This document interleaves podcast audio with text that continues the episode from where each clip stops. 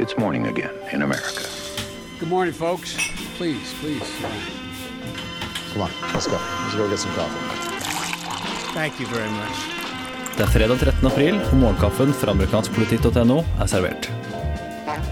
I går ble det kjent at president Donald Trump har bestemt seg for å ta en ny titt på handelsavtalen TPP, Trans-Pacific Partnership.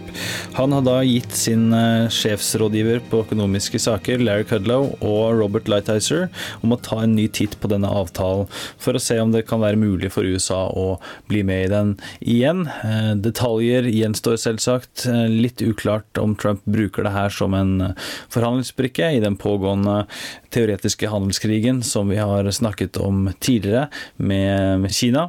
Men det er verdt å nevne da at tre av de nye personene i Trump-administrasjonen nevnte Kudlow samt nasjonale sikkerhetsrådgiveren John Bolton og den kommende utenriksministeren, dersom han blir godkjent, Mike Pompeo, alle tidligere har uttrykt sin støtte for TPP. Så gjenstår det å se om Trump nå endrer mening i denne saken. I går ble det også kjent at president Donald Trumps personlige advokat Michael Cohen har hatt for vane å ta opp samtaler eh, i lang, lang tid.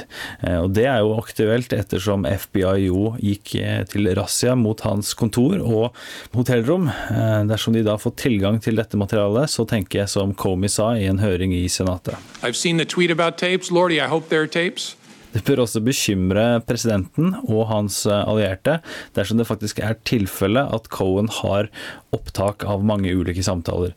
Det vil jo eh, være fantastisk gullgruve for etterforskerne i denne saken. Vi er inne på eh, nevnte Comey-sitatet. De første anmeldelsene av boka A Higher Loyalty er ute, selv om den først blir tilgjengelig for oss vanlige dødelige 17. Anmeldelsene jeg har lest i New York Times og Washington Post er uh, positive. Virker som en uh, god bok. Uh, men replikanerne med Det hvite hus i spissen har jo da registrert lioncomey.com. Det er da et replikansk forsøk på å gå til angrep på Comey og hans kredibilitet i forbindelse med denne bokutgivelsen. Går du på denne adressen, så får du en pop-up der det står 'Stand with Trump', der du får mulighet til å registrere deg for det de omtaler som real news updates direkte fra presidenten.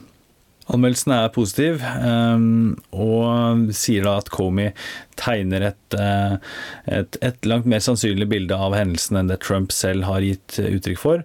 Eh, det som eh, er et minus her, og som ikke framstår som like troverdig og overbevisende, er det Comey skriver om Clinton-etterforskningen og disse e-postene og hans begrunnelse for å gjøre det han gjorde i innspurten av valgkampen, som mange, inkludert Nate Silver, mener var utslagsgivende for hvorfor Trump da faktisk vant til slutt.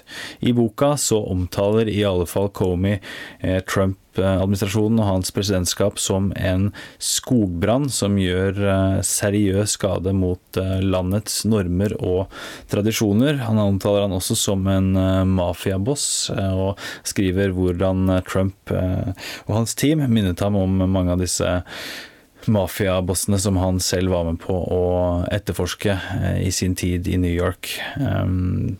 Comey skriver også at eh, John Kelly, eh, som tidligere ledet DHS, eh, skulle si opp i frustrasjon etter at Comey fikk sparken. Kelly er jo nå stabssjefen til Trump, så noen få eksempler på noen detaljer her, så vi kommer til å få stadig flere av disse, og vi gleder oss selv til å lese boken i amerikanskpolitikk.no-redaksjonen. Så det gjør sikkert du også som hører på. Kommer tilbake med mer om denne boka neste uke.